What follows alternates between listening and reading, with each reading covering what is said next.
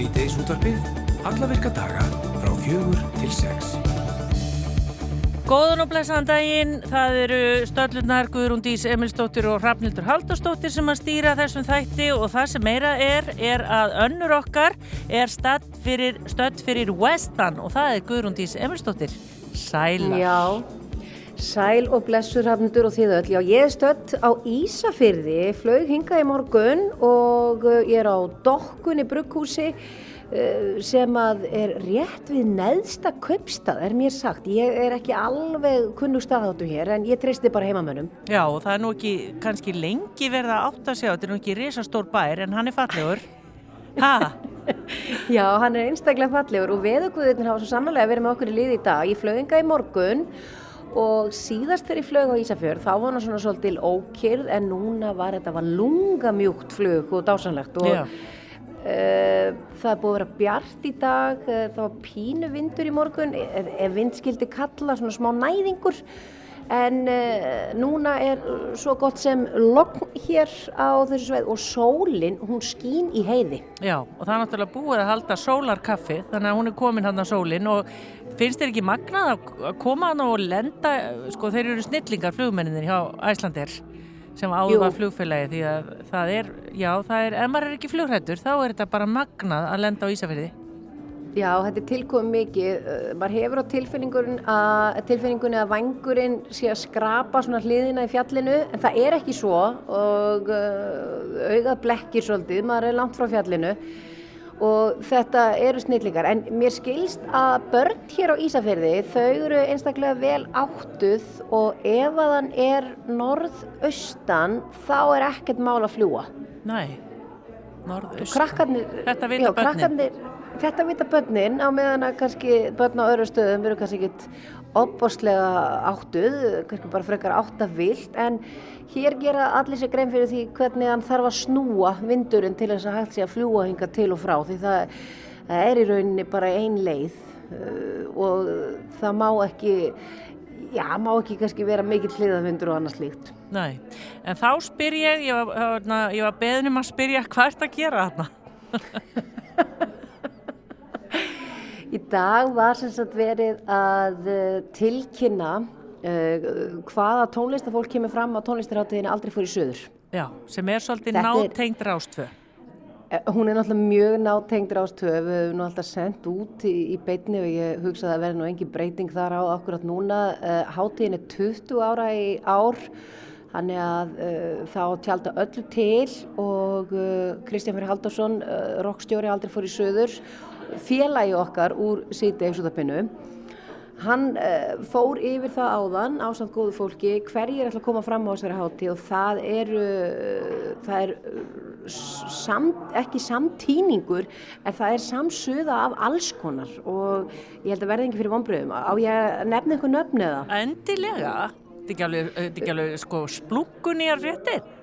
Jú, jú, og þetta er langur listi, sko, það er Bókumil Font, það er Ham, Of Monsters and Men, Lúðrasveit tónlistaskólans á Ísafirði, það er Mugisson, það er GTRN, MC Gauti, Inspector Spacetime, Helgi Björns auðvitað, þetta er náttúrulega hans heimabær, Space Station, Nanna úr Of Monsters and Men, hún var nefnilega að gefa út plötu, þannig að hún ætla líka að taka sitt sólóverkefni hérna, Dr. Gunni og Heiða Eiríks ætla líka að vera, Hipsum Haps, Celebs, Byrnir og svo músík tilhörna band 2024. Það er náttúrulega ekki komið í ljós hvaða band verður músík tilhörna band 2024 en það mun koma fram hér. En skemmtilegt. Og Já. ég meina 20 ár er þá, sagt, er ykkur meira tjálta til í ári eða er þetta, þetta er auðvitað alltaf bara skemmtilegt. Ég held að þetta sé alltaf jafn skemmtilegt og uh, ég held að þetta sé einstaklega glæsilegt. Það er svona mörg stór nöfn og þetta er einstaklega fjölbreytt uh, akkurat núna. Það er mér sagt. Já, einmitt. Uh, og svo ertu bara ekki bara búin að vera í tengslum við aldrei fór í söður, þú ert búin að skauta það allum allan bæin og, og tala við fullt af fólki. Já, ég er búin að tala við fullt af fólki hérna í dag. Við erum búin að fara í, í, í heimsóknir hér og, og rúnt um bæin og ganga líka. Við erum búin að ganga hérna heilmikið og ég er búin að hitta fullt af fólki og uh, við ætlum að fá að heyra hérna eftir uh, í Haldáni Berga Haldáns sinni.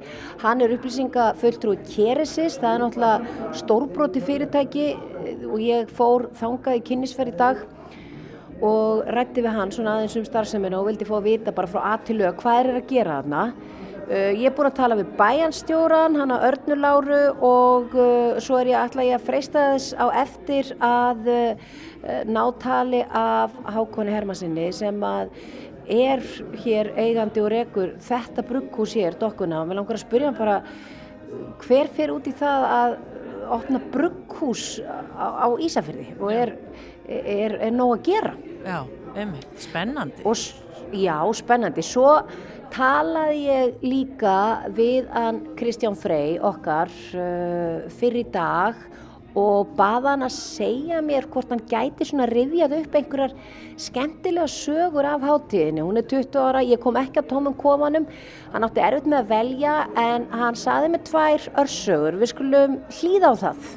Kristján minn, nú erum við hérna úr síteis útarpinu stött á Ísafjörði á Aldrei fór í söður og það er 20 ára ammali núna þannig að í rauninni má eiginlega segja að þetta verði reysastórt í ár eins og náttúrulega fyrir ár.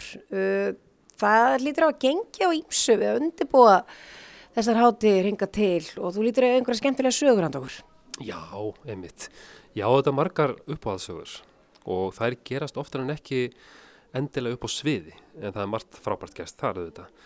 Til dæmis upp á sviði þá, þá hérna, kom ungu maður svona 2010-11 upp á svið og baðum að fá að segja nokkur orð og uh, það var hljómsett að spila sem heitir Reykjavík upprópunumerki og strákurinn byrjum að fá bara að segja nokkur orð, kemur upp á svið og þá segir hann það er mikil ást í kvöld, það er mikil ást og allt í fórir söður uh, má ég byrja Haldur að koma yngað og Haldur kemur upp á svið og veit ekki hvað er að gerast. Og hann feð bara á hnén og bara það er ást og allt í fórir söður Haldur að viltu giftast mér? Og það var allt crazy. Og hérna, þetta var bara millir laga bara klukkan 10-11 um kvöld. Stórkostlegt. Og þetta var bara eitt af bestu atriðum upp á sviði sko, finnst mér. En fallett og, og e, lifir þetta hjónaband ennþá? Sko, núna þegar við undirbyggum, ef vorum að undirbúa þessa hátíð, 20 ára amalið þá vorum við að rifið upp og bara, herðu, hvernig er með þau? Er þau búin að gifta sig? Þau er ekki búin að gifta sig. Þau eru bara búin að vera alveg börn og, og, og búa saman að sjálfsögðu og ástinir en þá á lífi. En við vorum að hugsa bara eh, á sko, samferða því að vera að bóka stór atriði á sviðið, ættu ekki að bóka þau og bara, og prest og klára þetta? Þannig að það geti gerst Það gæti gerst, vá, þetta er fallið trúlofun upp á sviði á aldrei fór í sögur. Ég er rosa fegin að Haldur að skildi hafa sagt já og greinilega ávöxtur ástarð þeirra, börnin og allt þetta. Þannig að þetta, þetta gæti verið svona svolítið rúsina í pilsuendanum fyrir gesti hátegarnar í ár. Nákvæmlega sko, þetta er bara, og þetta eru páskarnir einhvern veginn, það er upprisa og það er svo mörg svona element í þessu. Þannig að þetta er því mjög, mjög fallet og ég Þetta geti gerst, ég, hérna, ég get ekki lofa hennu, ég er náttúrulega ekki prestur eða, eða hjónabassákjafi en, hérna, en það eru, eru góða líkur á því að þetta gerist. Svo er aðra sögur, ég, sko, til dæmis var þetta maður sem að, sem að var rosalega spenntur fyrir uh, tónlistadriði sem að var ný lokið á sviðinu og hann vildi svo mikið hitta þessa hetjurs. Þetta voru fjallabræður sem voru kór, kórin fjallabræður að spila og hann vildi olmur hitta kórin og vissi að þau, þeir fóru allir í baksviss aðstöðuna. Hann fer út og finnir það út að baksviss aðstæðan er hérna hinn um einu við húsið og, og hann leitar að því og það fer ekki betur en svo að hann dettur ofan í síló, sements síló og rótast uh, þetta er ekki, ekki grín og ekki gott uh, að detta að núni nokkur metra niður. Og hann ranga vissir eftir einhverjar mínútur eða hálftíma, ég veit ekki hvað hva lengi hann að onni Uh, sem betur fyrr þá var hann með síma á sér sem var einhver smá raflaða eftir og hann næra að ringja í sjúkrarbíl uh, 112 og, uh, og honum var hjálpað upp og hann var svona smá vangaður hann var búin að fá sér smá mögulega, en hérna sem betur fyrr endaði þessi saga vel uh, og þessi maður uh, sko, ég held að hann heiti Jón en í okkar bókum heitir hann bara Sílómaðurinn og við vorum að hugsa hvort við þurftum ekki að bóka hann líka í þessu 20 ára ammali því að þetta er einn af þessum eftirminnilegu sögum sko. Þetta hefði getið að fara illa Ég held að ef þetta endað illa þá væri við ekki hér. Þá held ég að við höfum bara að loka sjópunni. Það verði ekki sniðut að halda áfram eftir svona lagað. En mikil spenna fyrir uh, hátíðin í ár. Uh, er þetta alltaf gaman? Já, það er nú bara kannski grunnstefið í þessu. Það er sami hópur sem er alltaf að undirbúa þetta. Uh, í 20 ár, það er nú alveg fáránlega eljusemi og ég, maður skilur það ekki oft en það er einhvað við þetta sem að verður til þess að þegar til dæmis við erum mörg hver búin að skila á okkur stórkvæmsleiri helgi eins og til dæmis síðustu páska í fyrra þá sendum við alla popparana út í vél á mánundarsmotni og ég man eftir því að hafa farið á veitikastað hérna, húsið hérna í, í, á Ísafjörði með Múkjesson og, og fleirum settist niður vorum að kosta mæðinni og hugsaðum bara, herru, hvernig ætlum við að gera þetta næstari? Herru, hvernig væri að hérna gera þetta svona eins og vorum strax byrjuð að plana næstu hátíð annan í páskum í fyrra. Það hlýtur að vita á gott.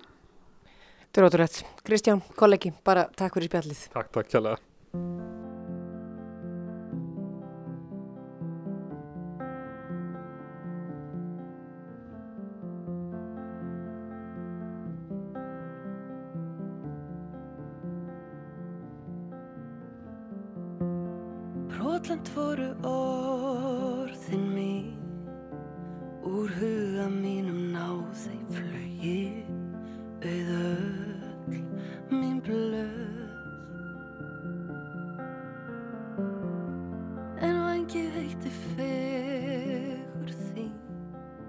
Svo blað síður nú fylla tugi Ur hjartans lög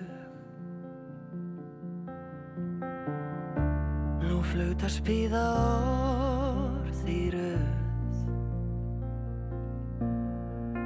Hvað er ástin ört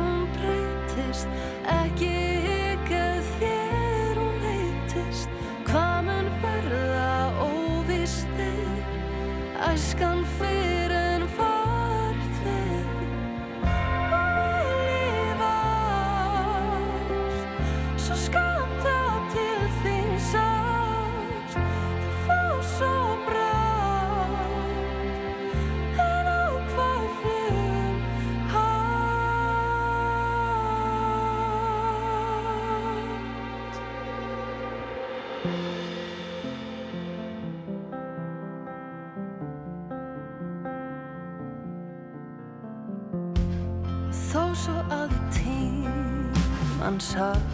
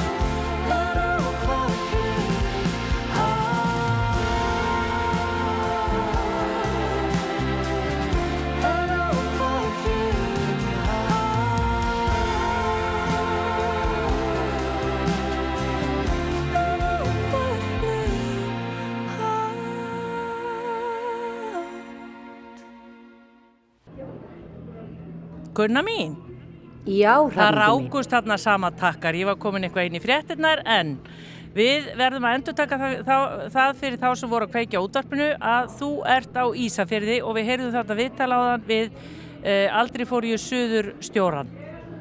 Já, rockstjóra aldrei fór í sögu sem heitir Kristján Freyr og, og hlustendur síti eins og það syns kannast nú við hann. Hann er Haldursson og, og hefur nú svona oft hlaupið í skarðið þarna hjá okkur. En já, ég er búin að vera hér í dag þar sem var verið að tilkynna hvaða tónlistafólk er að fara að spila á hátíðin í ár sem er 20 ára. Og ég er líka búin að vera þeirra gæfu aðnjótandi að fara út um allan bæ, hitta fólk og uh, talaði með hann við bæjastjóran því fáið að heyra það spjall okkar, rætti við hann að örnuláru uh, hér á eftir. En ég fór líka í heimsókn í fyrirtækið sem að var á allra vörum og hefur í raun verið á allra vörum í lengri tíma á Íslandi. Uh, það er fyrirtækið Keresis sem að er að vinna húð úr fiskiróði og þannig hjálpa fólki bæði þeir sem hafa brennst illa og þetta er í rauninni bara að aðstöða sár að gróa. Og eiginlega orðaða bara þannig. Já, og, og ég eh, rætti þarna við uh, upplýsingafulltrúa fyrirtækisinn sem að heitir Haldán Bjarki Haldánsson og uh, hann náttúrulega fór yfir þetta allt saman með okkur og mér leik forvitna að vita bara hvernig gera þeir þetta frá A til Ö og við skulum heyra það. Getur þú útskýrt fyrir mig bara ferlið svolítið frá A til Ö? Já, við, öll okkar framherslega fyrir fram úr þoskuróði og svona eina af ástæðunum fyrir því er að þoskur uh, kemur á land allan á sér sving og er sældur róð, róðlust yfirleitt, þannig að allar vinslur með þosk eru með róðfletti vel, starfsfólk frá okkur uh, fer þangað og velur úr bestur róðin, kemur með þau í hús þar sem að þau eru afhreistruð til að byrja með.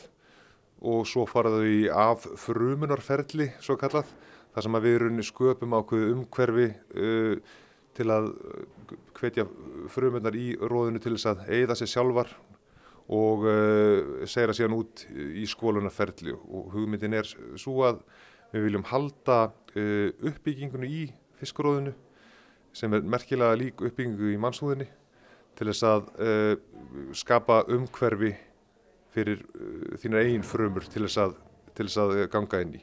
Það er semst í raun og verið þá er, það er ekki verið að reyna að breyta þér í fisk þegar þú fær nota vörun okkar uh, heldur er verið að búa til svona ákveða grind til þess að gefa þínum eigin frumum betri sens á því að komast hraðar og betur inn að rótum sársins og, og byggja það upp á, á eðlan hátt. Og þetta eftir affrumunaferlið þá, þá er uh, róðið þurka, það er meðhaldafrekar, það er, uh, það er hérna, teknar allar leifar af uh, bindiefni milli, milli holds og, og, og róðsins á fisknum. Og svo er það skoður í stærðir, þetta fer í, í frekari framlýslu á, á nýru útgáfum af vörnum okkar, mest útgáfu, síld, það sem er sílikoni bætt ofan á og ímsar aðrar leiðir. Þú getur í raunin ekki bara keift þetta út í apoteki, það þarf einhver sem að, einhver sérfræðingur að meðhendla þig, eða það ekki? Jú, þetta eru, það er heilbriðstarfsfólk eru þeir sem að kaupa vöruna og þeir sem að nota vöruna. Það er sjúklingurinn sjálfur er ekki að setja þetta á sig. Það, er, það þarf að uh, undirbúa sárið á mjög ákveðin hátt og, og það þarf að, að, losa burt allan dauðan og skemdan vef og hérna ná sára beðinu þannig að það grípi og geti í raunni nýtt sér uh, eiginleika vörunar. Og þið eru hérna á Ísafjörði, það er einstaklega hendu og góð staðsetning fyrir þessa framherslu? Já, algjörlega. Það, það sem að skipti máli er gott aðgengi og stöðugt aðgengi að þáskróði og við erum með tvo byrgi á svæðinu. Uh, Hreinleikin skiptur okkur miklu máli, uh, hreinleiki vatsins, Ísafjörður er með, er, er með held í besta vatna landinu, það, það, hérna, það skiptur okkur líka miklu máli, uh, þannig að það er runni og aðrir, aðrir hlutir sem eru, hafa oft verið ókostir við að vera á, á hérna, svona fjarlagum, jáðarbyggðum að segja, er eins og flutningskostnaður og slíkt er ekki í stóra samhinginu eitthvað sem skiptir okkur miklu máli þannig að þetta er, þegar allt er lagt saman þá er erfitt að ímynda sér einhvern betri stað til að vera á heldur nýsafjörð með svona framherslu. Og þegar að það farið út í þetta í upphafi þá eru þið uh, svolítið að horfa á battarækjamarka og horfa þá á uh, ja, allan þann fjölda fólk sem er síkusjúkt eins og þar. Það var uppalega áherslan, já, og, og er ennþá stór hluti af okkar starfsemi. Er, er hérna, meðhöllun síkisíki sára sem er gríðar stort vandamáli heimsvísu og því miður sívaksandi. Uh, og, og hérna, til mikils að vinna að, að geta meðhöndla þau sár og komið veg fyrir aflimannir um, en síðan þá hefur hérna, hefur fókusin líka uh, fæst yfir á, á, á skurstofu hérna, aðgerðir, brunasár og annað slíkt við höfum, það, við höfum verið að færa út kvíjarnar að heimsísu Hvernig eru þið að koma að eins og þessari háti hérna aldrei fór ég söðurs? Uh, já, það er náttúrulega þetta hluti af því að, að, að fara frá því að vera sko hugmyndi eins mann skumundafertram og í það að vera hérna, vænlegur vakstasbroti og í það að vera allt í einu stórt fyrirtæki og eitt stærsti aturreikandur á svæðinu að, að svo starrend hvað við höfum fullandast rætt fylgja náttúrulega ákveðin samfélagslegt hlutverk. Og, og þetta er hlutverk sem bara er, er okkur skilt og ljúft að uppfylla og, og það er náttúrulega Uh, án samfélagsins þá er erfitt að reyka fyrirtæki. Ef þú hefur ekki blómlegt samfélag þá er erfitt að fá fólk til þess að koma og vinna fyrir þig. Þá er erfitt að halda í fólk á staðinum þannig að hlutir eins og við, styrtum, við erum að aðal styrtar eða knaspunddeldara vestra uh, og þá ekki bara mestarflokksins, þetta er batnastafsins líka. Það skiptir miklu máli fyrir lífsgæði fólks. Við erum að kosta hjólastála aðgengi í Ísafjörðabíó skiptir líka máli og núna síðast en ekki síst eru við að, að vera einn aðstýttaraðali aldrei fyrir söður og þetta er náttúrulega hátíð sem að hefur gert ótrúlega mikið fyrir orðspor uh, svæðisins og, og, og hérna, átt, átt þáttið að byggja upp jákvæði ímyndasvæðinu og þetta skiptir allt máli. Og þú segir, blómlegt uh, bæjarfélag og, og gott svæði til þess að búa á og í Eh, og samfélag, eh, hvað starfa margir hjá Kyrsins? Hérna á Ísafyrði starfa á sjööndatug fólks og hérna myndi ég bara svona, til einföldunar eh, kannski rúmlega helmingurinn í framlegslu og svo tæplega helmingur í stóðdildum þar að segja í, í sérfræðistörum og skrifstofstörum það er náttúrulega alls konar stuðning sem að, sem að, sem að, að hérna, þessar framlegslu einingar þurfa það er einlega eitthvað nýjum tækjum með flókin, það þarf og, og hérna svo er gæða eftirlitið, þarf að vera mjög stramt innköp og, og annars líkt þannig að við erum sérfræðstöruðna líka. Eru það þá heimamenn sem eru búin að fara eitthvað og menta sig, sem eru að koma aftur eða er þetta bara blanda af öllu? Þeir eru líka að fá bara nýtt fólk í bæinn?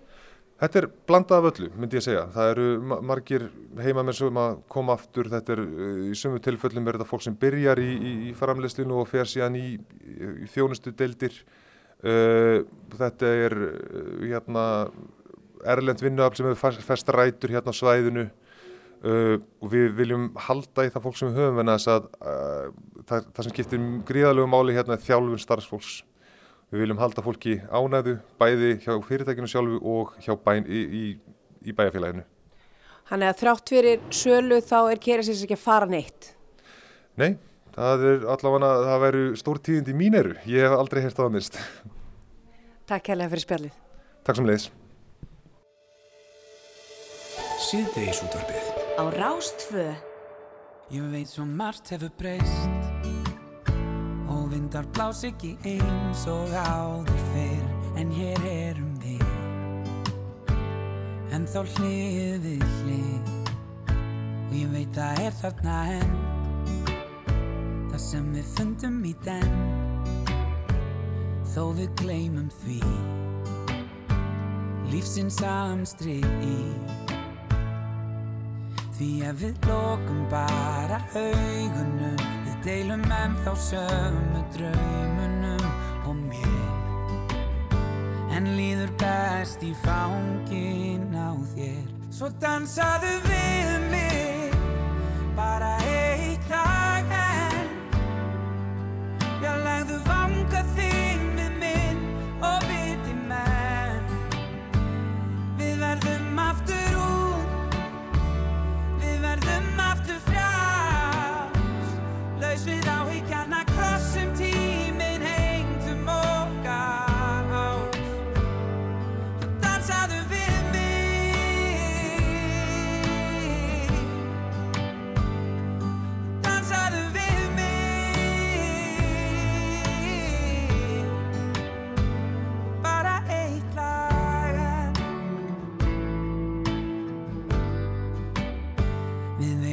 eftir svo margt.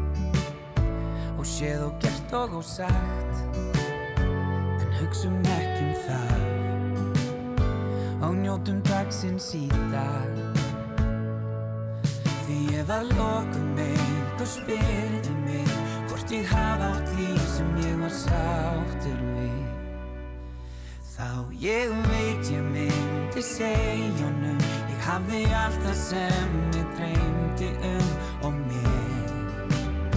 Leið alltaf best í fangin á þér. Svo dansaðu við mig Bara eitt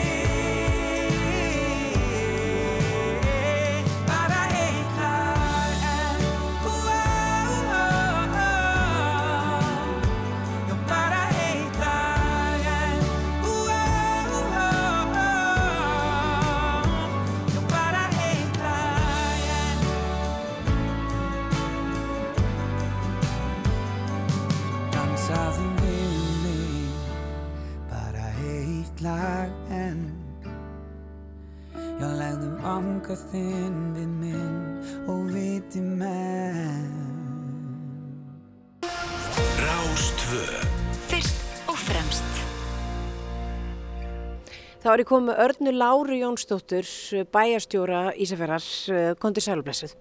Sælublessu. Ég aldrei fór í söður. Hvað gerir svona hátíð fyrir bæjarfélagið? hún bara gerir náttúrulega alveg ótrúlega mikið að því að þetta er einhvern veginn þetta er svo gaman náttúrulega og þetta er bara eiginlega ómetnalegt við erum að fá þetta bara fullt af gestum og bara opaslega glöðum og sáttum gestum. Og það er líka svo gaman að heyra það að aldrei fór í söður er oft fyrsta svona viðkenning fólks á Ísafjörði sem er svo gaman. Þannig að fólk er kannski aldrei komið á Ísafjörð en kemur aldrei fyrir söður og það er svona þeirra upplifun að koma hingað á Ísafjörð. Og komast þá væntalega aftur og aftur eftir það? Já, já, ég myndi alveg trú því það fólk sem kemur á þessu háti það kemur aftur og aftur og aftur og við eigum reynda dæmi um bara fólk sem býr hérna kom hérna fyrst og aldrei fór í söður og hérna býr hér í dag. Hefur þú farið sjálfa margar hátíðir? Ég held að ég hef farið allar. Það eru 20 stykki eða 19 stykki. Já, það, já, algjörlega, það er 19 stykki og vera 20 þá núna. Þannig að eh, ég, ég get þá bara spurt þig, er þetta alltaf gaman? Það er það, þetta er alltaf gaman og maður heldur alltaf einhvern veginn að þetta verði ekki betra en það verður alltaf betra. Það er alveg, þetta er alveg einstakt. Mikið af því sem er gert hérna, eða eiginlega bara vel flest, er einhvern veginn unni í sjálfbóða vinnu við að undibúa þetta. Bærin kemur síðan ríkulega að þessu. Getur þú sagt okkur aðeins frá því hvernig hann, hann gerir það? Já, við náttúrulega lánum auðvitað starfsfólk og tækja tól og reynum að gera allt sem við getum til þess að, að þessi hátíð bara verði að því við vitum að þetta bara tekur opbáslega mikið og, og það krefst seglu og úttalds að standa í þessu. Þannig að við þetta reynum að gera sem við getum til þess að liðka til og láta þetta verða veruleika. Á þetta sama tíma eru við náttúrulega með okkar bæjarháttíð sem er skíðavikan og þetta hefur bara haldist vel í hendur og það var náttúrulega bara frábært að fá aldrei fór í söður inn í, á, á skíðavikuna því það er ekki alltaf hægt að tryggja skíði og snjó þannig að hérna, það er alltaf hægt að halda tónleika þannig að þetta, þetta bara hefur hjálpað mikið til.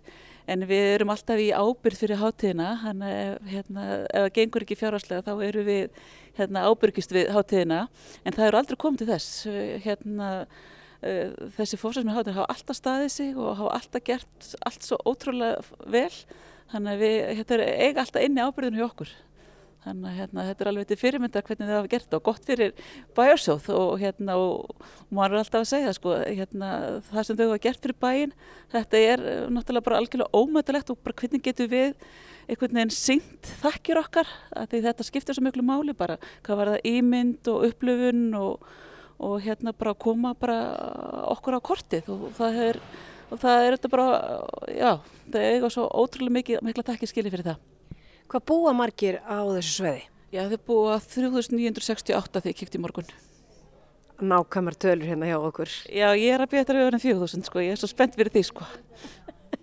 og eins og þá um páskana, hvað heldur þau að það séu grálega margir hérna á sveiðinu og ræðu bærin við að taka á móti öllu þessu fólki? Já, þetta leipur á þúsundum en hérna gisti plássi náttúrulega takmarkar hátíðina að því að hér fólk fólk tjaldar ekki um páskana þannig að hér er þetta gist í öllum kompum og kitturum og öllum herbyggjum og ég held að ég þóra fullir að það er þetta flest rúmi full nýtt uh, þessa helgi.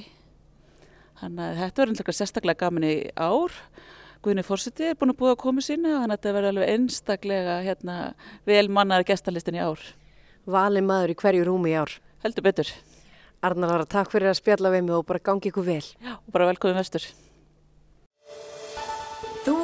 að hlusta á síðdeis útvarpið á Rás 2.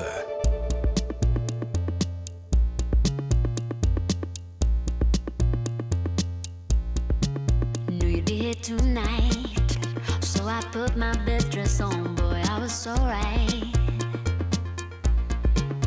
Our eyes connected. No, nothing's how it used to be. Don't second guess it. Tracking on this feeling.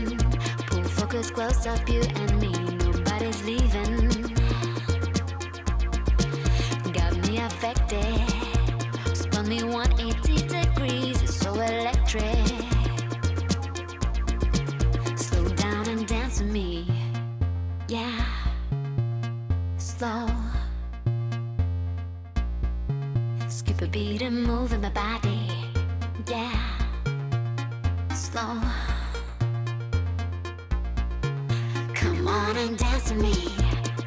Yeah. Slow.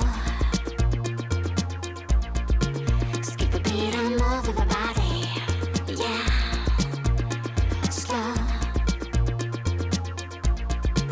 Don't wanna rush it. Let the rhythm pull you in. This is so touching.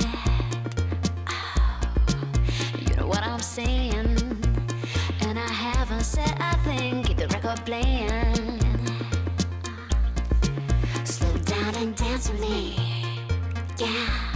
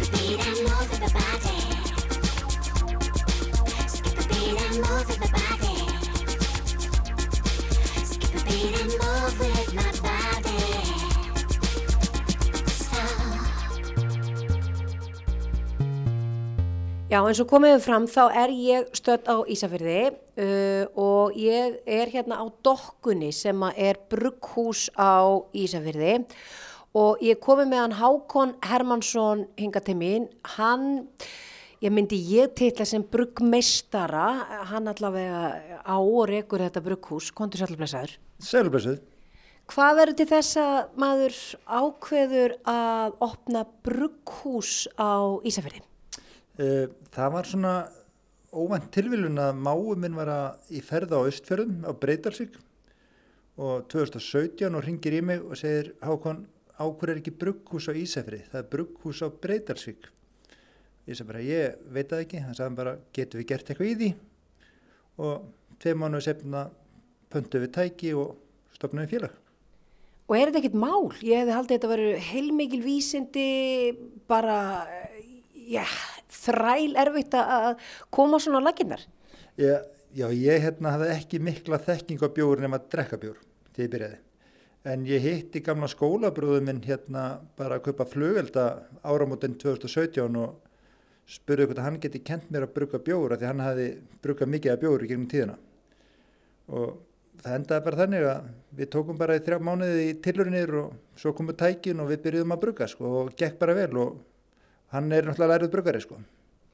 Og hvernig fer allt þetta stað af því að núna sitjum við uh, í þessu brugghúsi, það eru heilmörg sæti, þetta er stórt, það eru margi tankar hérna baka til, hvernig byrja þetta allt saman? Sko fyrst kemur alltaf hugmyndin að opna húsið og hver þörfin er fyrir það á Ísafjörði og við einblýnum svolítið á sumrin og skemmtifæraskipin sem er alltaf mjög stór hluti af okkar business. Uh, þannig að við erum á hafnasvæðinu, þannig að það er stutt frá skemmtifæraskipafólkinu. Uh, í lit þegar við byrjuðum vorum með gestastofu upp á 20 sæti, nú erum við gestastofu upp á 100 sæti. Þannig að það bara leið og sumrin er náttúrulega okkar runni tímið túristinn, við gerum mikið út á túristan sko, sérstaklega skemmtverðarskipin. Þannig að fólk er að koma í land og þetta er þá einn af þessum stöðum sem að fólk stoppar á og prófar íslenskan heimabruggaðan bjór.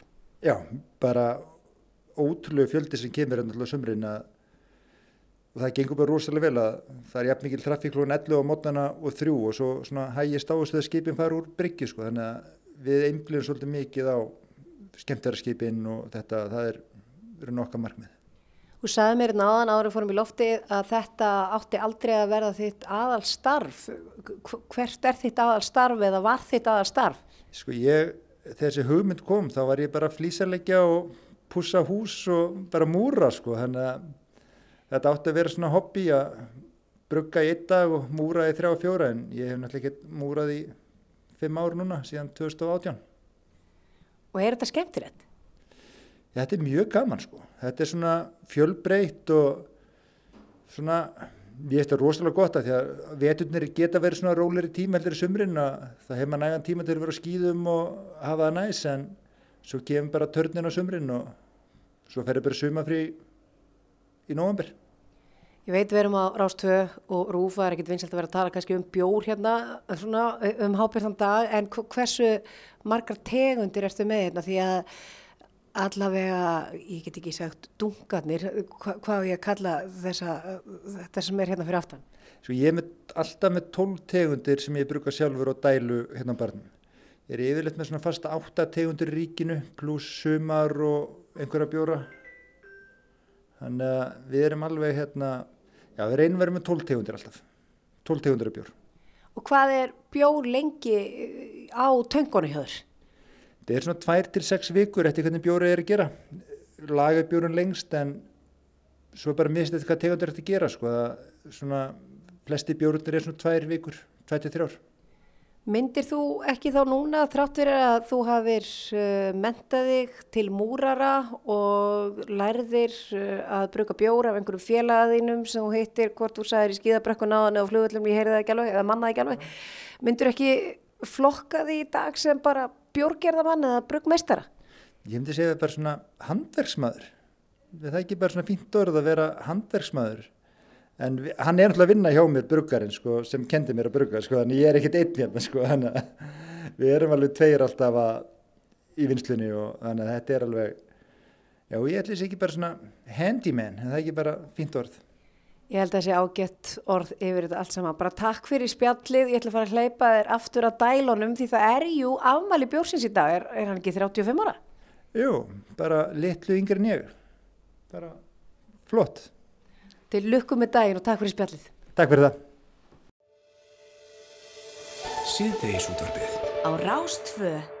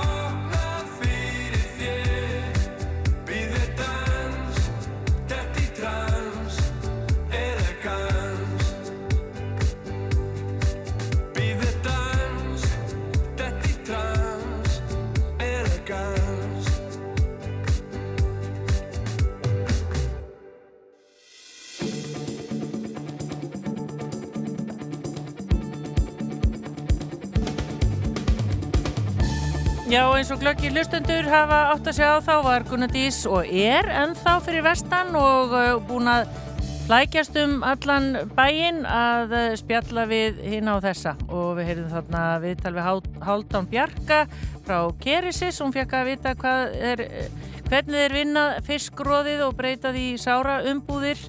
Svo var það Arna Lára Jónsdóttir bæjastjóri og síðustu var það Hákon Hermansson og Dokkunni Bruggus og svo má ekki gleyma Kristjáni Freyr og stjóra aldrei fór í söður og það er tilipnið að því eh, eða ástæðin fyrir því að Guðrún Dís Emilsdóttir skellti sér vestur á Ísafjörð. Við viljum eins vegar hér í setni luta þáttar að eh, heyra meðal annars að því hvað verður í þætti Viktoríu Hermannsdóttur og eh, Sigga Pálma, Sigurður Helga Pálmarssonar á sunnudaginn hér á Rúf. Það er nefnilega merkilegt nokk að þau ætla að fjalla um hérna fyrir okkar muni held ég að þátturinn heiti alveg hörglega um geysislisið sem varð uh, árið 1950 og það er að segja hluti sem að tengjast því hörmulega slisi og uh, Viktor ég ætlar aðeins að segja okkur frá hér og eftir. Við ætlum ríka að ringja í mann sem heitir Brynjálfur Baldursson, hann er stjórnaformaður félags sem að heitir Reykjadalsfélagið. En í dag þá var skrifað undir tímamóta samningum viðamikla ferðarþjónustu uppbyggingu á Ár, Árhólmasvæðinu í hveragerði.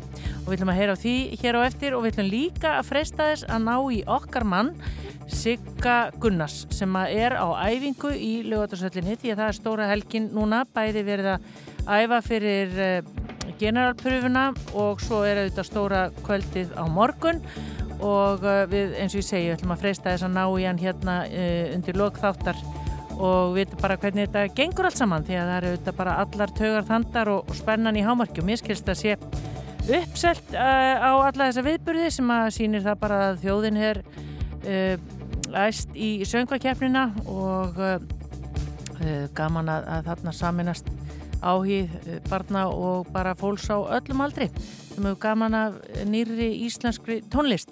En það er að koma tilkynningar og fréttir núna klukka 5 og svo höldum við áfram hér í síðdeðis útdarpinu á Rástvö.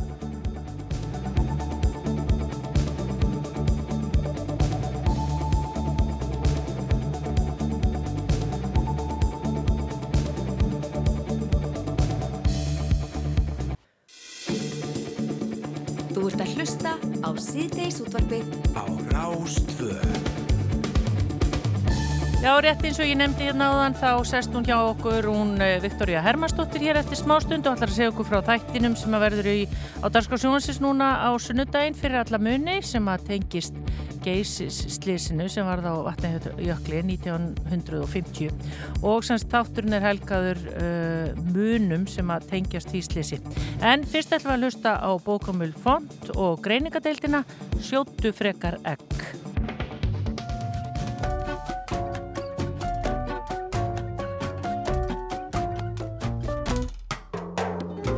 Ef úti er ruslitt og slapp Slæmar fréttir einn tón kvart Ef tilveran er taut og þas Og tænt er sérber pilluglas Já, ef kvíðinn fer á stjá Og krækir í þig stóru tá Glestu ekki á vegg. Sjóttu frekar egg, ristaðu brauð, held upp á kaffi og kessaðu hundin. Mundu að vandin er á stíðarbundin, sjóttu frekar egg.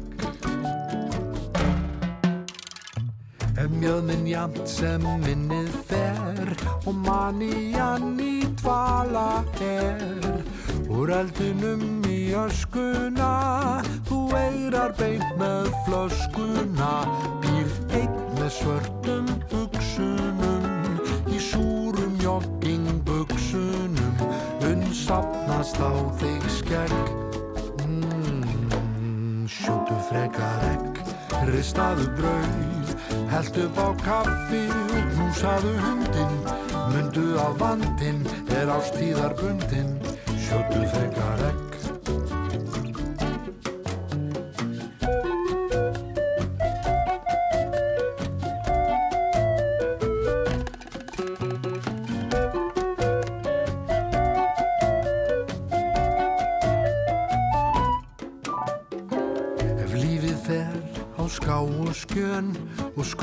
Skólast til þín fáu plön Heilin dofin, holdið slagt, hjartað eitt á þriðju vakt. Þú ert samband svo meðvitundarlaus og sængina dregur upp fyrir haus og sendir frá þér negg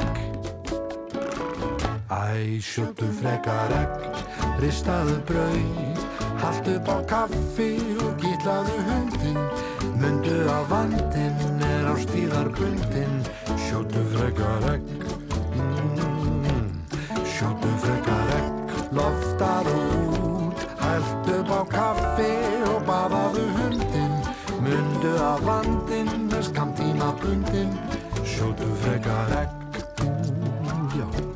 Sjóttu frekar egg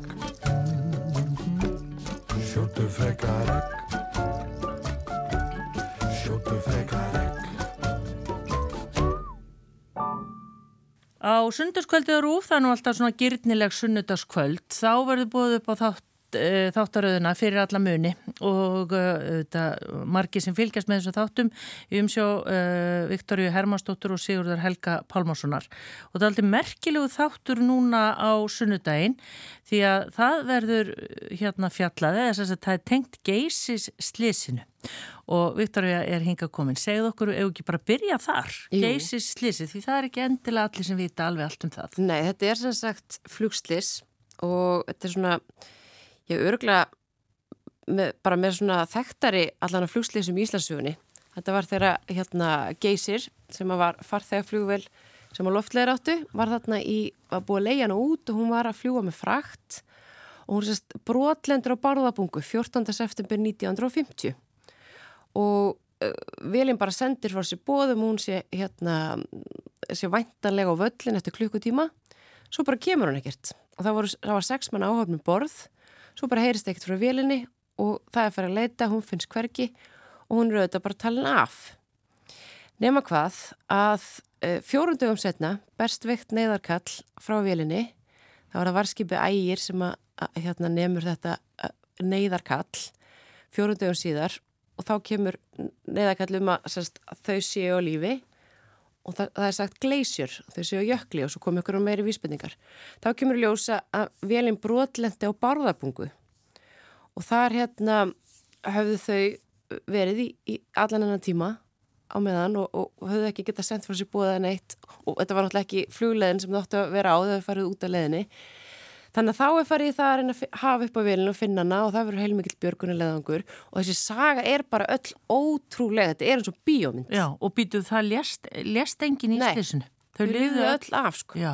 Og þau voru sérst að fljúa, þau verið að koma frá Luxemburg, þau fyrst flóið frá Reykjavík til London, svo frá London til Luxemburg og þetta átti bara að vera örstuðt flug yfir og bara mjög lett flug að fara með eitthvað farm og átti að lenda hér og svo átti önnur áhafna að taka við og fara með farmin til, til bandaríkjana Mm. og það var engin smá farmin um borð það var svona luxusvarningur Og hvaðan var hann? Hvað? Þetta var bara allstæðar að þetta var farmur sem var að fara til bandaríkjana og það, var, al, það voru alls konar hlutir hann þetta voru svona, þetta voru alls konar luxusefni silki og alls konar það voru átjón lifandi hundar um borð það voru, Já, já. það var hérna líkista með líki sem kom í ljós síðar og það var bara, þetta var alls konar hlutir og líka persónulegar eigur fólks og þetta var bara svona þetta var mjög sérstakt Já. og hérna og úr, dýr úr til dæmis Já. og þegar við, sagt, við fengum ábyrningu því, í þáttunum um að sagt, það væri, að væri kona eða væri hjón hérna sem ættu matarstell eitthvað hluti úr matarstelli sem hefðu verið úr farmi geysis Já. og ég vissi ekkert um þetta flugslis, síðan þá hef ég fengið á heilan Já, ég trúi því vel. Og það hérna, og við sikki fáum svona mismunandi hlut á heilan, ég er alveg búin að vera á haus í þessu sko, fekk þetta algjörlega á heilan að þetta er svo áhugavert og þetta er eins og bíómynd allt bara, skrifa sér sjálf. Já. og hérna um, sem sagt, við fyrum að fáum ábyrtingum með þarna sem matarstæl úr postulinni sem að koma úr farmi geysis. Og við fyrum að skoða það og, og maður finnst náttúrulega mjög ótrúlegt að eitthvað sem er úr postulinni lifa flugslis en vissulega lifði fólki af. Þannig við förum svo að skoða þetta betur, förum heim til þessa fólks og þegar við komum heim til og við heldum að þetta verður nokkur hlutir, þá er bara rísa borstofuborð yfir fullt af postilínu, rísa, rísa matastel. Þannig að við erum að skoða í þessum þætti hvort það geti verið að þetta matastel hafi verið hluti af þessum farmi geysis. Já. Og það sem að við vorum náttúrulega að vinna þennan þátt lengi og erum búin að vera bara að leita heimilda hér og þar eins og við gerum fyrir alla þætti en svo gerðist eitt alveg ótrúlega magnað furðuleg tilviljun að hérna við vorum eitthvað, við verum svona mjög æstir við verum að, að, að finna eitthvað nýja vísbendingar og ég ringi sig og, og, og það er alltaf gerast og svo erum við á kaffi og hittast og ég var nýkomið með útkalsbókinans Óttar Sveinssonar Já, ég var að mynda að hugsa að það skrifaði um þetta Já, Já. og það er stórmerkileg bók, ég mælu alveg með að fólk hlusta á hana eða, eða lesa hana Já. og þá hérna var ég nýkomið með eindaka henni og búin að hlusta hana og komið eindaka sem eru alls konar myndir og eitthvað svona aukalega og var búin að finna eitthvað í bókinni og var svona mjög æst, búin að fá mér kaffi og var að fá mér annan kaffibólla og er eitthvað svona siggja sestur og ég er eitthvað að ná í kaffi og er fyrir eitthvað rælni með bókinni í hendinni meðan ég er að lappa um kaffihúsið. Og þá allt í hennu stoppa mér maður og segir heyrðu afsakið, akkur er þetta með þessa bók? Er hérna um og hann segi nú, pappi minn var um borð. Og ég alveg, já, já. Fyrir að spjalla við hann kemur ljós að þarna er að ferðinni Artur Björgvin Bodlason og þetta er já. stórmerkild bara ég hafi verið í fyrsta lagi með bókinu uppi og hann hafi tekið eftir því. Já. og svo stoppar hann fyrir að tala við okkur um þetta. Og þá kemur sérst í ljós ekki nóg með það að hann var pappars var um borð heldur fættist Artur Björgum Bodlason meðan að Geysir var tínt Mammas fór á stað Nei. þegar hún sá fr- fréttina um að, að það var náttúrulega að áhöfnin hefði ekki lifað þetta Já. þannig að hún fer af stað og hann fæðist þarna meðan að þau eru tínt 1950 Já Þannig að þetta er ótrúlega saga, hann er bara geysi spatni komið Já, á hérna. kaffihúsinu. Þetta er ótrúlega furðulega tilvílun. Ég er án sko svo æst, en, en sko bara Viktor, ég, ég verða að vita sko bara, getur aðeins sagt sko af hverju var matastæli hjá þessu fólki sem sagt vissi það ekkit forsöguna hvernig það hafði komist til þeirra? Nei, sko málið er að hérna um eitt, þau hefðu, þessi kona sem átti þetta, hún hefði keift þetta af konu sem sapnaði postulíni. Já, já. Og, og sögunni fylgdi þegar hún keifti það að svo kona hefði, sem er, sem er þetta kemur ekki fyrir með þættinum, ég held að þetta hefði verið mamma Alfreds Flóka myndlistamanns. Og hún, uh, samkvæmt sögunni allavega, svo veit maður aldrei alveg hvað hérna, hefur skólast til í, í, í gegnum tíðina og svona, en þá sem sagt átti hún að hafa keift þetta uppbóði sem að átti að hafa verið haldið á farmi á farminum eftir að, að, að, að búið að fara í björguna að gera þess að bjarga honum. Og hún segist að hafa keifta úr farmi geisis og við erum svona að komast að því í þættinum hvort að það geti verið. Já, já, já. fyrsta leið hvort að þetta postulin geti hafa bara komið heilt út í fljóslýsi og svo hvað varðum farmin að því auðvitað var fólk ekkit skiljanlega ekkit sérstaklega mikið að velta því kannski fyrir sér þegar fólk lifir svona ótrúld fljóslýs af þá er bara allir svo gladir að, Já. þau hafi komist lífs af en svo er bara öll sagan í kringum þetta bæði það hvernig þeim er bjargað af jöklinum þú veist það fyrir skýða vel upp á jökulinn á þess að ég segja frá öllu hérna í, Já, já. en þetta er svo mikil saga Já. að hérna það fyrir skýða vel upp á jökulinn frá bandaríska hernum og allar að bjarga áhöfninni hún kemst ekki aftur kemst ekki á loft þannig að hún er först á jöklinu líka það þurfti að fara að bjarga henni svo síðar þannig að þetta er allt svona og þá, það var bara ótrúld björgunar afreg sem var unnið þarna þegar björgunarsveitum fóru upp á jökulinu og björguðu þeim sem höfðu verið um borð og voru mjög slösuð sko. Já, og hvað liður þarna margir dagar bara rétt í lokinu? Manstu það? Hvað þetta voru margir Það, dagar? vor, það var sérst vika frá því að, að vélum brotlendi og þar til þau komu til Reykjavíkur aftur. Já, hérna hér. Þetta er ótrúlegt. Ég er að segja það, ég verði límt við skjáin og örglað þjóðin öll núna á sunnudaginn og þátturinn er klukkan 20.15. 2015 og ég mæli mig að horfa, þetta er svo stórmerkileg saga. Já, en ef einhver er að hlusta og veit um einhverja muni tengda eða eitthvað svona, ég menna, eru þið alltaf að fá ábendingar bara í gegnum þeir síni þættina eða bara, já. Já. Ég sko búin að vera í símanum síðan á sunnundaginn þegar fyrsti þátturum var síndur í þessari þriði þáttur. Já, Og við erum búin að fá fullt af ótrúlega bara mögnuðum ábendingum, bæði símleiðis og í gegnum mailið okkar fyrir alla muni.ruf.is og svo erum við með Facebook síðu líka og Facebook Hope ef fólk, ef það hefur áhuga á þessu, þá endilega fara þar inn þess að við setjum oft inn þar svona fréttir sem við fáum eftir á Já. og erum svona, svona að ræða hlutina og, og eiga svona samtalum þar sem við erum að fjalla um í þáttunum Já, og má alveg búast í að það gerist eftir þennan þátt. Takk fyrir komuna, Viktoria. Það er spendant þáttur á sunnudaginn fyrir alla muni klukkan 20.15. Takk, Takk fyrir. Síðdeis útvarfið. Á Rástfö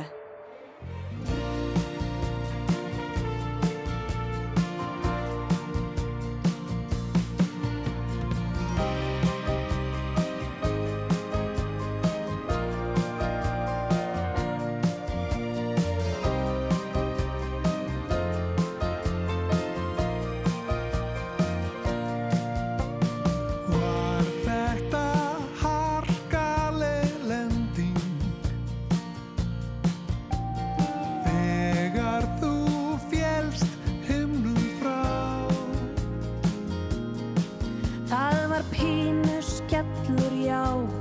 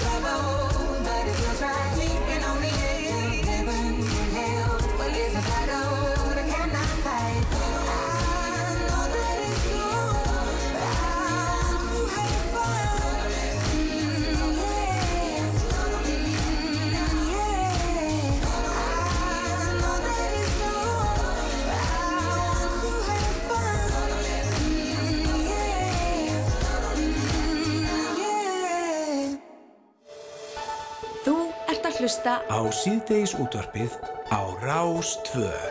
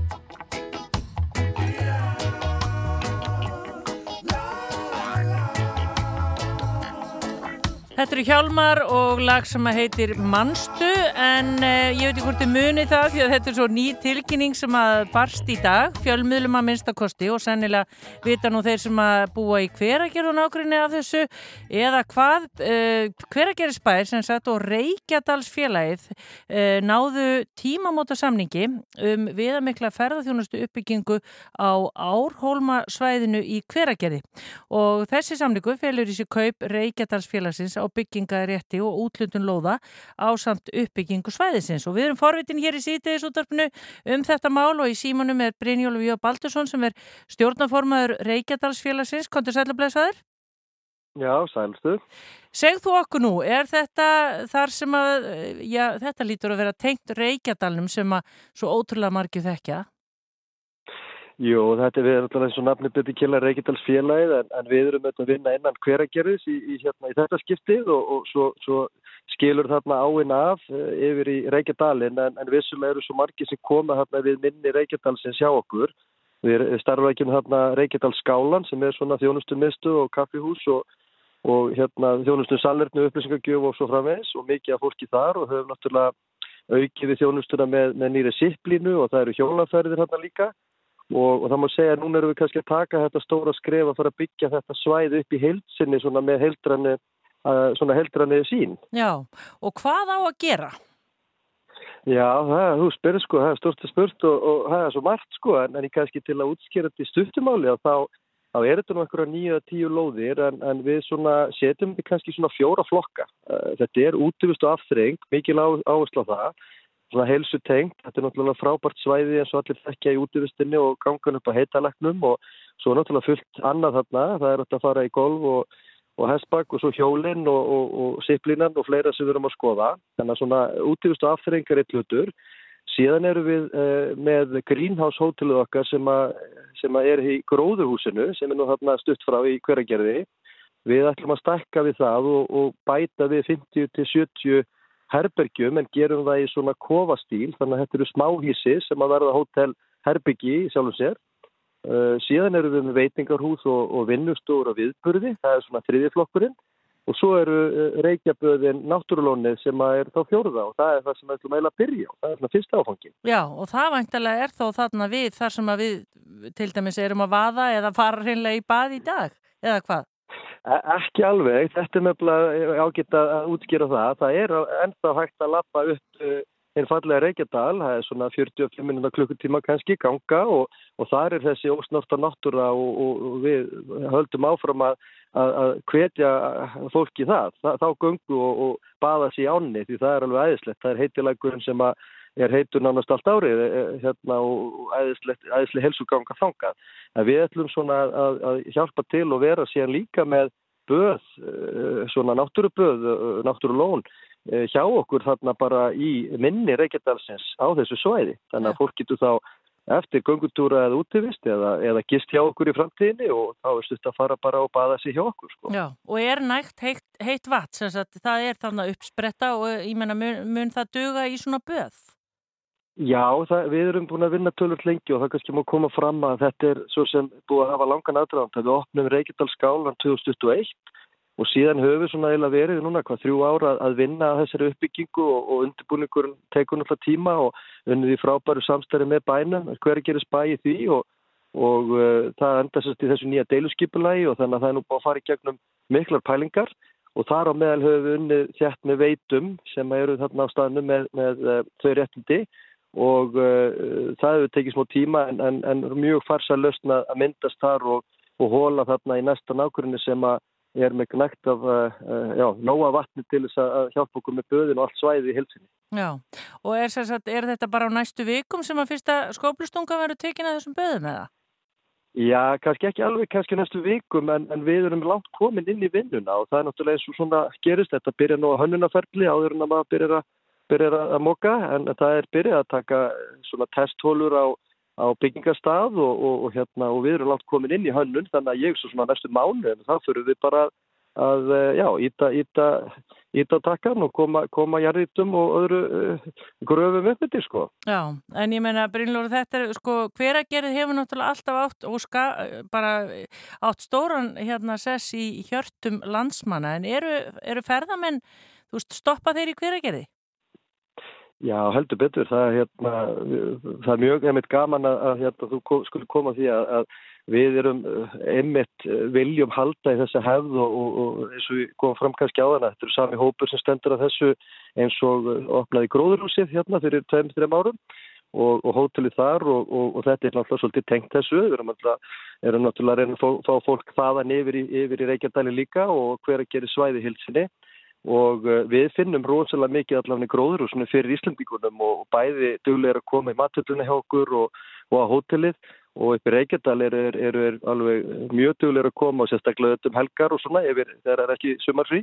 Eh, en, en, en kannski tölurnar eh, eru stærstar í erlenda ferðamanninu. Það eru þetta skiptaðir hundruðu þúsundar mann sem koma í gegnum hverjargeru inn inn inn inn á svæði árhólma og svo upp í Reykjadal. Og enda er þetta svona einn, einn af eh, fjölmörgustu, fjölförnustu eh, náttúruperlunum og söglandir myndi halda. Já, Uh, ég var að mynda að hugsa sko þessi, hvað kallar hann að siplænið þannig að línuna hjá okkur Hva, Já, já, sviflínan. Já, er hún, búin, er hún búin að vera opin eins og í vetur eða hvernig er þetta? Já, já, já, hún er alveg, það er sko, auð- auðvitað eru við á Íslandi og, og þetta er siplína hérna, sem er yfir kílometra laung og, og, og liggur hérna, yfir anna hjá okkur og þetta er auðvitað alveg einstök upplun og hvet alla kíkja á, á þessu upplun sem hafa ekki farið. Já. og, og raunverulega yfir vetratíman alveg eðislegt eins og í dag, það var alveg frábært að sjá fólk koma þetta niður í þessum fallega veðri og, og allt í snjó og, og hérna svona flottir tindar. En, en svo þetta kom inn á milli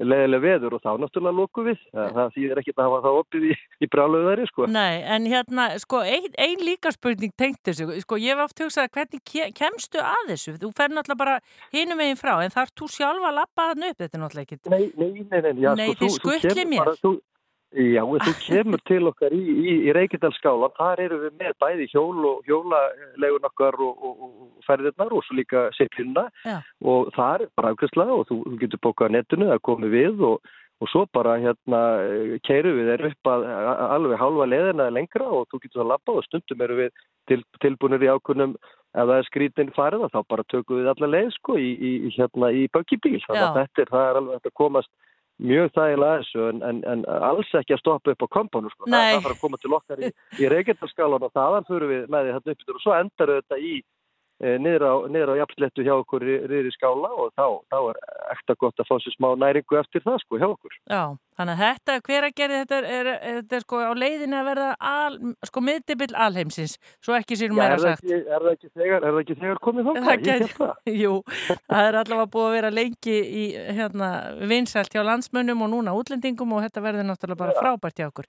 Til hamingi með þetta, Brynjólu Jó Baldursson, stjórnaformaður Reykjadalsfélagsins og það verður gaman að fylgjast með þessari uppbyggingu. Takk fyrir spjallið. Já, Bless, takk, bless. takk. Já,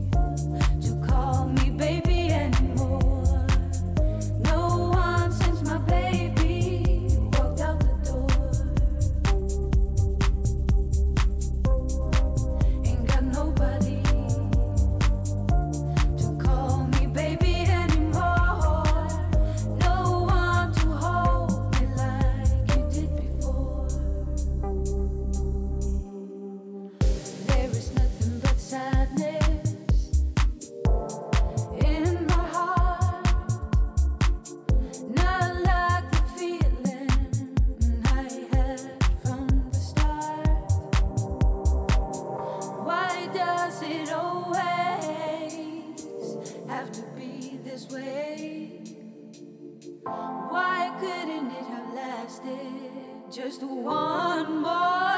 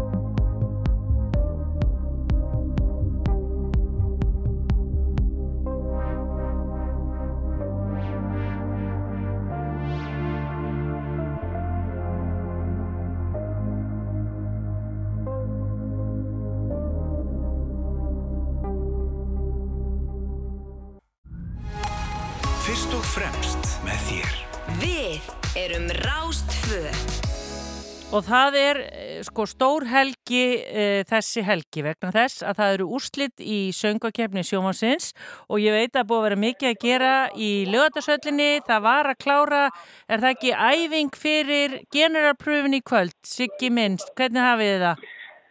Jú, það var akkurat þannig. Við vorum að klára hérna æfingu að lappa í, í gegnum uh, þetta mikla sjó sem að framöndun er hérna í lögutarsvöldinni í kvöld og annað kvöld. Það er sem sagt dómararænslið eða generalpröfa sem er sem sagt framöndan í kvöld og þá mun sem sagt dómnefndin sem að gildir 50% á móti símakostningu í, í fyrir hluta kostningarinnar á morgun horfa á all atriðin og dæma og skila svo inn sínum atkvæðum. Já. Þannig að þetta er mjög mikilvægt kvöld í kvöld og svo náttúrulega verður lögatarsvöldin stút full af fólki að því að við kvöldum þetta svona fjölskyldur reynsli líka því að hér verða áhendur sem að geta fylgst með sjónarspilinu í kvöld og, og, og svona hita sig upp fyrir annað kvöld. Það er eiginlega sko betra að bara koma í kvöld og sjá hvernig þetta verður og horfa svo í sjónarspilinu annað kvöld sko. Já, og það eru ótrúlega margir sem komast inn í lögatarsöllina þannig að það, þú veist að það er sko verið að horfa á morgun í sjónvarpinu en það eru rosalega margir í höllinni og verða. Já, já, hér verða yfir 2000 manns í kvöld á, á fjölskyldurænstinu og, og svo aftur náttúrulega yfir 2000 manns uh, sem að er að fara að fylgjast með okkur í beitni útsendingu á morgun sko hér í höllinni og svo náttúrulega einhverjir 10.000 sem við munum fylgjast með um landi og miðin og reyndar held ég út um allan heim því að ég veit að Rúf Englis, hann Darren sem að, uh, er, er fulltrú okkar á, á ennsku Rúf, hann ætlar að, að lýsa keppninu á vefnum á ennsku þannig að það er rétt að láta vini og vandamenn sem, sem tala ekki íslensku uh, vita þessu. Já, einmitt. Þú gefur náttúrulega ekkert upp hvernig þetta kemur til með að líta út í sjónvarpinu á morgun en það væntalega uh, er öllu tjálta til.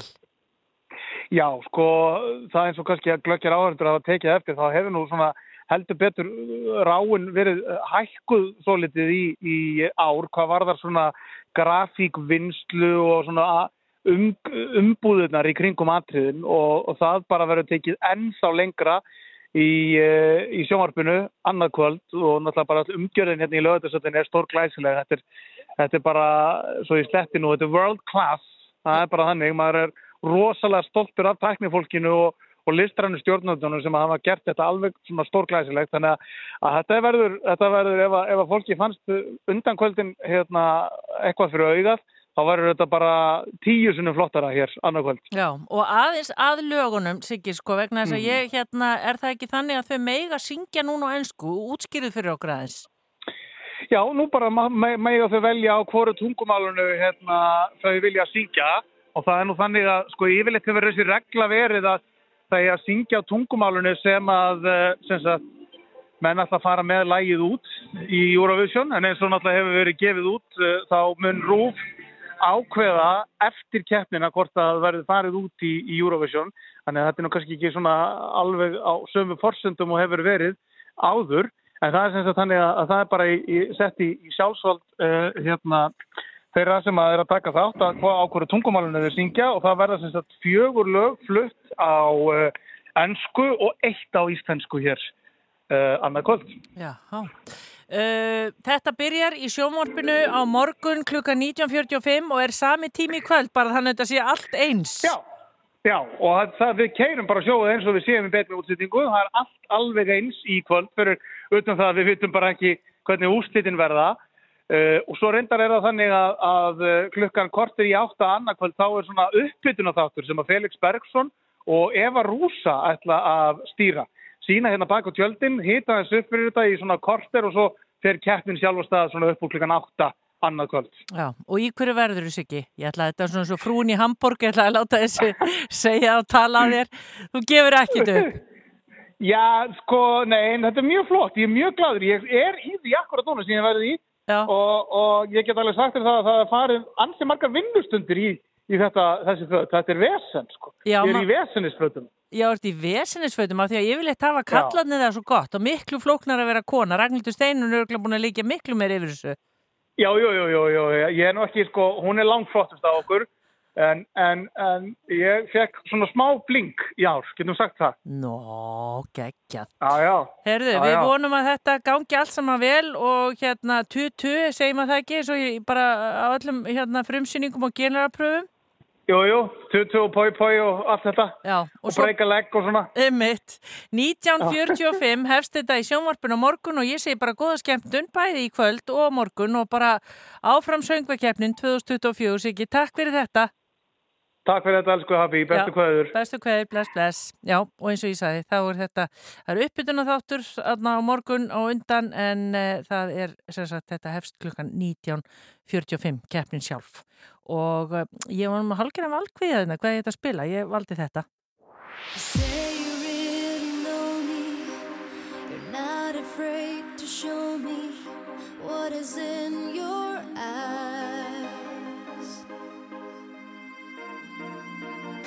tell me about the rumors. Are they only rumors? Are they only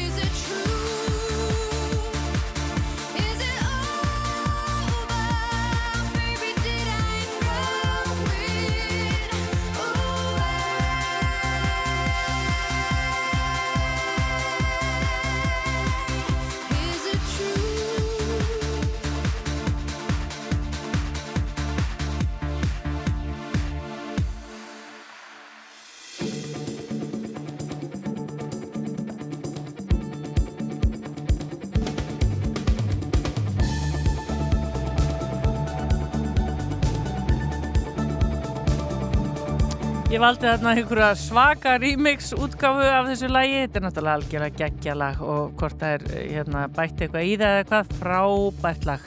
Jóhanna Guðrún og uh, Is It True. En uh, það fyrir að líða, uh, já það fyrir að koma bara því að við hvaðjum hérna úr sýrtiðs útdarpinu á Rás 2 aðeins að kíkja hérna á veðrið af því ég hef nú ekki sagt ykkur neitt um það. Það er náttúrulega glampandi sól hér á já, stórum hluta landsins. Það er kallt uh, en bjart og uh, spáin er svoljóðandi. Norðan 8-15 metra á sekundu, það verður kvassara í vindstrengjum suðaustan til. Það verður jél á norður og austurlandi en bjart viðri annar staðar og frostið 0-7 stig. Talsvert frost inn til landsins í nótt og svo lægir um uh, allt land í nótt. Uh, Hægbreytilátt á morgun og það verður sólríkt allkvast austan, uh, austast fram eftir degi og áfram verður kallt og ég lít hérna næstu daga, já það er rauninni ekki fyrir ná þriðdæn sem að verður svona veruleg breyting í veðri, þá hlínar. En eins og ég segi, blessu sólinn elskar allt, hún hjálpar okkur við að halda þetta út þegar svona fyrsta mótana kallt. En já, við erum búin að vera hluti þáttarins uh, var sendur út frá Ísafirði, Guðrún Dís, hún var þar sprangaði þar um og spjallaði við uh, gesti og gangandi. Og þetta var í tilbuna því að, að tónlistarháttíðin aldrei fór í söður sem að haldin er um páskan og verður auðvitað í beitni útsendingu hérna hjá okkur á Rástvö og í sjómarpi allra landsmanna. Uh, það var svona að vera uh, hérna að segja frá því hva, hverju kemur þarna fram og það er alveg ótrúlegur hópur af flottum listamönnum sem að þarna stíga á stokk. Monster Sandman og Helgi Björns og Hipsum Haps og ég veit ekki hvað og hvað, GTRN og Uh, en uh, svo bara heyrðum við í okkar manni Sigga Gunnars, söngvakeppn á morgun. Við heyrðum í Brynjólfi Baldusinni stjórnanformanni Reykjadalsfélagsins. Og svo var það Viktoria Hermann sem að sagða okkur frá. Fyrir alla muni á sundarskvöldið er það sem að geysis slísið kemur við sögu. Þar að segja munir sem að tengjast í umulega slísi sem að var þó ekki mannskaði en þetta var samt ótrúlegur atbyrður En uh, ég er svona, hvaði ykkur bara með Björgunni Haldurssoni sem var tekin inn í heiðursöllina síðasta lögadag og uh, hann syngur hér fyrir okkur lag sem heitir Núna. Hafið það gott um helgina og uh, bara farið valega. Við verum aftur með ykkur hér á mánudagin í síðdeis útarpinu á Rástvö. Takk fyrir að hlusta í dag. Bless, bless.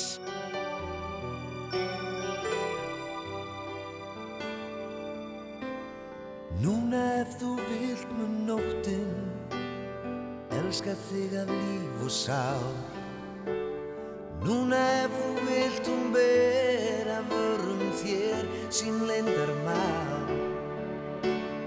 Núna ef þú vilt mun ástinn snerta auðvitað því svo djúb og blá. Já.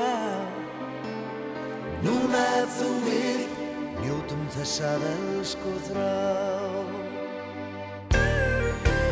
ég veit allt tekur enda Fellur regn á grænan skó. Og á meðan þú ert hjá mér Vil ég elska með þér nóg Þessi nótt er fyrir okkur Þessi koss er handa þér